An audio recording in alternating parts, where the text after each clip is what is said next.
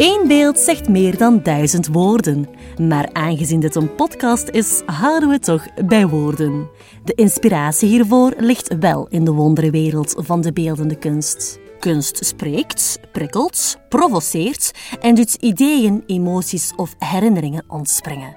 Vergeet eens even de drukte, leun achterover en mijmer mee met onze columnisten als ze de vele kleuren van kunst en geloof schilderen in beeldspraak. Met vandaag een column van Wouter van Hoof.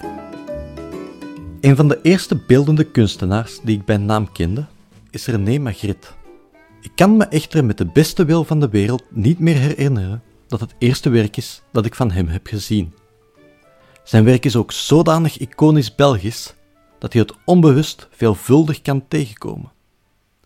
De clash van het dromerige en bevreemdende, het bedreigende welhaast, dat in zijn werk rijkelijk aanwezig is, en in dat van menig andere surrealist, heeft me immer gefascineerd. Doorheen alle door appels verborgen gezichten, landschappen en schilderijen die in elkaar overgaan, en vreemdsoortige wezens die aan planten ontspruiten, is de grootste haak die Magritte in mijn hoofd heeft weten te slaan, meegekomen met een zeer eenvoudig werk, dat niettemin wellicht zijn bekendste is. Komisch genoeg is het tegelijk een werk waar vaak met een verkeerde titel naar wordt verwezen. Ik doel op het werk La Trahison des Images. Ik hoor het u al bijna denken. Oei, is dat bekend? Dat doet nu werkelijk geen belletje rinkelen. Word ik nu gedeporteerd uit België? Dat belletje zal wellicht des te luider afgaan als ik u vertel welk onderschrift dit schilderijtje heeft. Ceci n'est pas une pipe. Dit is geen pijp. De afbeelding is nogthans een zeer werkelijkheidsgetrouwe pijp. Hoezo? Dit is geen pijp. Had Magritte iets te enthousiast gerookt aan de pijp die er geen was? Hoe heette het werk ook alweer? La trahison des images. Die titel betekent zoveel als het verraad van de afbeeldingen. In de meest eenvoudige opvatting van het werk zeg je: Ach, natuurlijk, dit is geen pijp. Dit is maar een afbeelding van een pijp. In de taalkunde wordt deze gedachte door Ferdinand de Saussure ook uitgedrukt als de kaart is niet het landschap. Zo bekeken wordt de bewering van Magritte heel evident. Maar die simpele uitspraak heeft gevolgen. We zeggen er eigenlijk ook mee, we hebben wel afgesproken dat we met een beeld als dit pijp bedoelen, maar dat is eigenlijk een leugen. Onze ervaring van het beeld kan nooit hetzelfde zijn als die van een echt object. Dat beeld kan zoals bij Magritte letterlijk een afbeelding zijn, maar in de taalkunde wordt er gezegd dat woorden ook een soort beelden zijn. Hoe levendig je iets ook beschrijft, de woorden worden er niet levend van. Het woord kat miauwt niet en laat zich moeilijk aaien. De pijp van Magritte kan je niet roken. Beelden van elke aard zijn gebrekkig.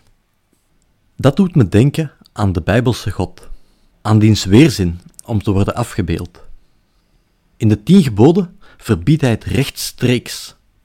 En hoewel God op een bepaald moment zichzelf een naam geeft, een naam die zoveel betekent als ik ben, wordt die naam in de Joodse traditie niet hardop uitgesproken. Zowel bij woord als beeld is het duidelijk. God vang je zomaar niet.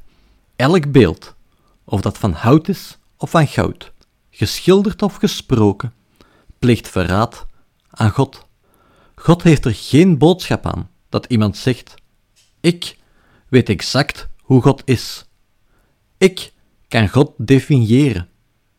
Ik ken en beheers de waarheid. Beelden dragen dat gevaar in zich. We worden zo gewend aan het beeld dat we vergeten dat het ergens anders naar verwijst. Dat er meer is dan het beeld. We kunnen dan onrustig of zelfs boos worden om de dingen die niet met ons beeld stroken, terwijl het eigenlijk net het beeld is dat te beperkt is. Die beeldendrift van ons kan ook wat op de lachspieren werken.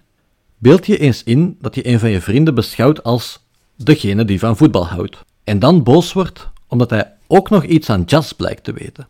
Dat zou nogal dwaas zijn. Net daarom wijst God dat soort beeldvorming over hem af. Hij is er niet op uit dat mensen hem definiëren of doorgronden. Hij wil dat ze met hem omgaan. Niet voor niets noemt Jezus zijn twaalf leerlingen ook zijn vrienden. En evengoed niet voor niets zijn dat twaalf vrienden. Want de verschillende omgang die verschillende mensen met God hebben, de verschillende delen van het beeld die ze ieder meebrengen, kunnen de beelden en de taal van anderen verrijken.